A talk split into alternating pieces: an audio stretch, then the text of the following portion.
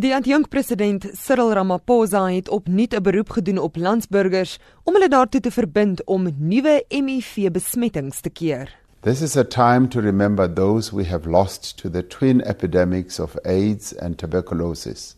It is also a time when we recommit ourselves to the achievement of an AIDS-free generation. Daar is ongeveer 5000 nuwe besmettings per week in Suid-Afrika waarvan die meeste vroue tussen die ouderdom van 14 en 25 is. Get tested for HIV, TB and STIs. Protect yourself and protect your loved ones. One new HIV infection is one too many. Let us all play our part to ensure that we end AIDS by 2030. Die Verenigde Nasies wil hê dat 90% van mense wat met HIV leef, bewus is daarvan teen 2030.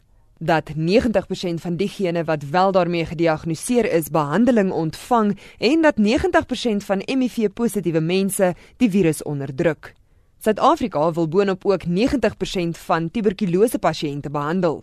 'n Teken wat volgens die Treatment Action Campaign se Anele Jawa nie bereikbaar is nie. It will be wrong for us to talk about an end to AIDS, whilst the state of the public healthcare systems in South Africa and elsewhere in the world is still broken. In Gauteng, people who were initiated on antiretrovirals were about 780,000. Out of that 780,000, I think about 75,000 of those people were lost on follow ups. As much as we're talking about the target that we have reached, there are still gaps. And nobody is yet ready to address the challenges that we are still faced uh, with regards to the ART program. Die Toyando Victim Empowerment program glo jong mense word met die virus besmet omdat die regering hulle afskeep, soos Fiona Nicholson van die organisasie verduidelik.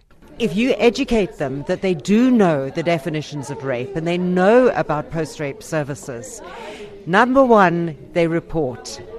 Number two, when they report, they get PEP, which stops them from getting HIV. And number three, they get EC, emergency contraceptives, so they don't get pregnant. Die verslag is saamgestel met die hulp van Tabile Mbele en ek is Henry Wondergem vir SAK nuus.